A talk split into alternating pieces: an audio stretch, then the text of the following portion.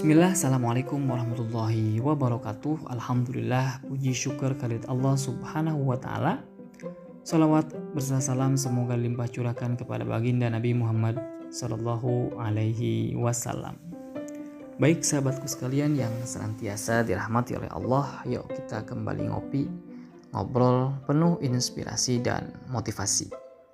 Adapun tema ngopi pada kesempatan kali ini adalah nyala lidah api. Betapa banyak telinga yang memerah atau hati yang tersayat disebabkan lisan. Berapa banyak perpecahan, permusuhan, bahkan peperangan karena kata yang terucap dari lidah. Bahkan berapa banyak manusia akhirnya terseret ke neraka disebabkan oleh lidah. Lidah tak bertulang kata orang, tapi sekali menyayat entah ke mana pelipul lara hendak dicari. Penyair kita bertutur di belahan jiwa yang mana kita sembunyikan luka yang tersayat. Tidak dapat, tidak dapat sampai tujuh turunan masih teringat. Simak Rab kita bertamsil, A'udzubillahi minasyaitonirrajim. Wa mathalu kalimatin khobithah kasyajaratin khobitha nijtustat min fawqil ardi ma laha min qarar. Dan perumpamaan kalimat yang buruk seperti pohon yang buruk yang telah dicabut dengan akar-akarnya dari permukaan bumi, tidak dapat tetap tegak sedikit pun. Quran Surat Ibrahim ayat 26 Ayat di atas sebenarnya turun dalam konteks kalimat-kalimat syirik dan kekufuran. Tapi bukankah semua kalimat buruk yang keluar dari lisan juga tercakup di dalamnya? Lihatlah alam kita kembali membuat perumpamaan dengan pohon. Kali ini pohon yang buruk. Wujudnya sendiri buruk rupanya pun buruk. Tak ada sama sekali keteduhan dan keindahan. Yang mendengar serasa mau muntah, kecuali jika si pendengar buluk pula perangainya. Sudah buruk, tak hidup pula. Ia tercabut dari akarnya, ia menyalahi fitrah, makanya tak pantas ada, tak layak terucap. Allah memberikan kenikmatan kepada manusia berupa lisan, agar digunakan untuk berbicara. Lalu Islam memberikan rambu-rambu yang mengatur manusia dalam menggunakan lisannya untuk hal-hal yang bermanfaat.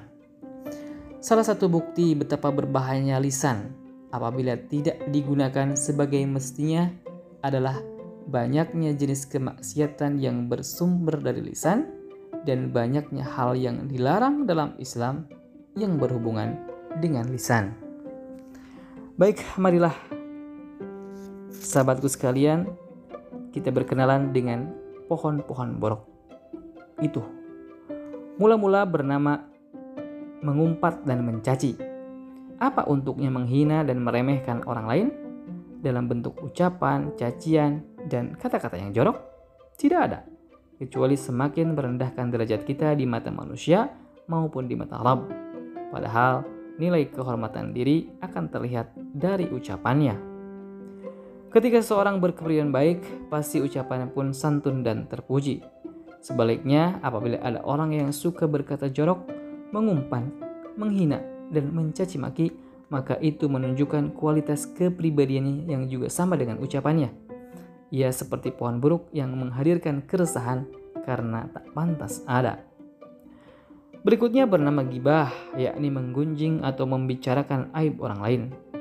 Ia merupakan perbuatan dosa yang sangat dicela. Begitu buruknya gibah sampai Allah Subhanahu wa taala mengumpamakan seperti memakan bangkai saudaranya sendiri. Ya Allah, bayangkan secara fisik memakan bangkai saudara sendiri. Sebegitu buruknya kah? Ya, sebab agama kita yang indah ini mengajarkan bahwa kalau kita melihat aib atau kekurangan pada saudara kita, hendaklah dinasihati dengan baik, sembari berusaha menutup aib tersebut, bukan justru menyebarkan dan menggunjingkannya dalam bentuk kibah. Bila kita justru menjadikannya sebagai bahan pembicaraan, maka sama saja bangkai tubuhnya kita santap ramai-ramai. Oh, karena itu kita juga dilarang mencari-cari kabar tentang kondisi orang lain. Tajasus namanya, sebab dari tajasus akan timbul prasangka dan dari prasangka akan mengalir pada gibah dan fitnah. Sedangkan Nabi Muhammad SAW sudah secara gambang bersabda, Man satara musliman satarahullahu fid dunya wal akhirah. Barang siapa menutup aib saudaranya sesama muslim, maka Allah akan menutupi aibnya di dunia dan di akhirat. Hadis riwayat Ibnu Majah. Ada juga namimah, yaitu mengadu domba dan menyebarkan permusuhan. Mari mendeskripsikan profil orang nyiar ini. Ke sana membawa kabar tentang si Anu, di sini membawa kabar tentang si Anu, di tengah-tengah membawa kabar tentang si Fulan. Begitu buruknya namimah sampai Nabi Muhammad SAW mengancam pelakunya tidak akan masuk surga.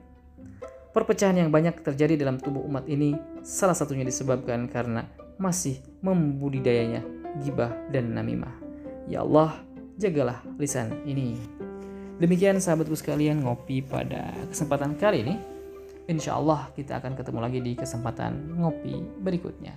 Assalamualaikum warahmatullahi wabarakatuh.